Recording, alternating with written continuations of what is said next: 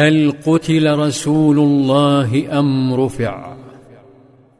حوصر النبي صلى الله عليه وسلم مع سبعة من الأنصار ورجلين من قريش.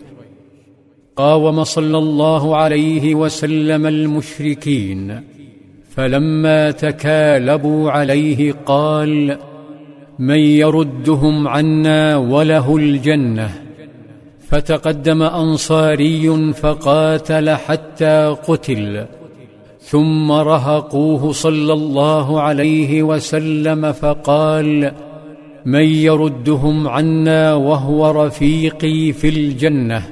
فتقدم أنصاري فقاتل حتى قتل.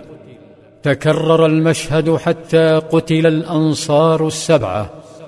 فقال صلى الله عليه وسلم لصاحبيه ما أنصفنا أصحابنا. لم يبق معه صلى الله عليه وسلم غير طلحة وسعد. فتقدم طلحة فقاتل دونه حتى قطعت أصابعه وشلت يده. ورآه أحدهم فقال رأيت يد طلحة التي وقى بها النبي قد شلت.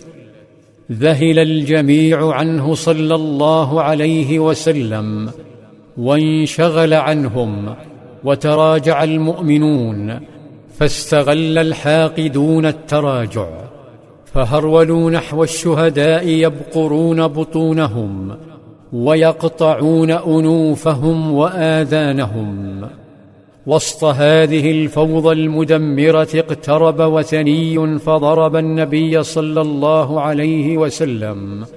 ضربه ضربة هشمت خوذته التي يحمي بها رأسه وشج أحدهم وجهه وكسر بعض أسنانه.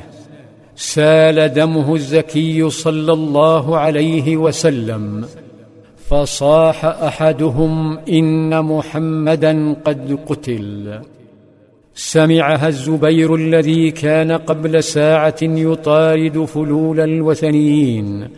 فراح يبحث عن نبيه صلى الله عليه وسلم ويقول مالت الرماة إلى العسكر يريدون النهب وخلوا ظهورنا للخيل فاتينا من أدبارنا وصرخ صارخ ألا إن محمدا قد قتل. صعق الصحابة وأصيب عثمان بن عفان والأنصاري سعد بن عثمان وبعض الصحابة بإحباط. فتركوا المعركة وانتحوا عند جبل بعيد. وكأنهم يقولون لم القتال وقد مات النبي. وصمد أبو بكر وعمر وعلي وابن معاذ وابن عبادة وبقية الصحابة يريدون الموت على ما مات عليه نبيهم لكن عليا أصيب بذهول جعله يبعد في التفكير بعيدا جدا. إنه يفتش بين القتلى يقلب الجثث يبحث عن نبيه صلى الله عليه وسلم ويقول نظرت في القتلى فلم أر رسول الله فقلت والله ما كان ليفر ولا أراه في القتلى ولكن أرى الله غضب علينا بما صنعنا فرفع نبيه. فما لي خير من أن أقاتل حتى أقتل.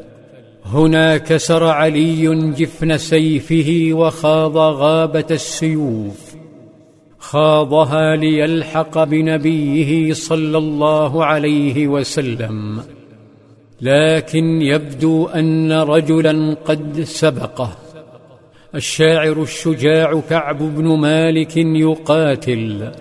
يبحث عن نبيه وفجأة يرى شخصا يترنح من العطش والإعياء. اقترب كعب منه فتأمل عينيه تشعان من خلف القناع الحديدي. فصاح من فرحته صيحة ارتفعت معها المعنويات وتعالت الهتافات.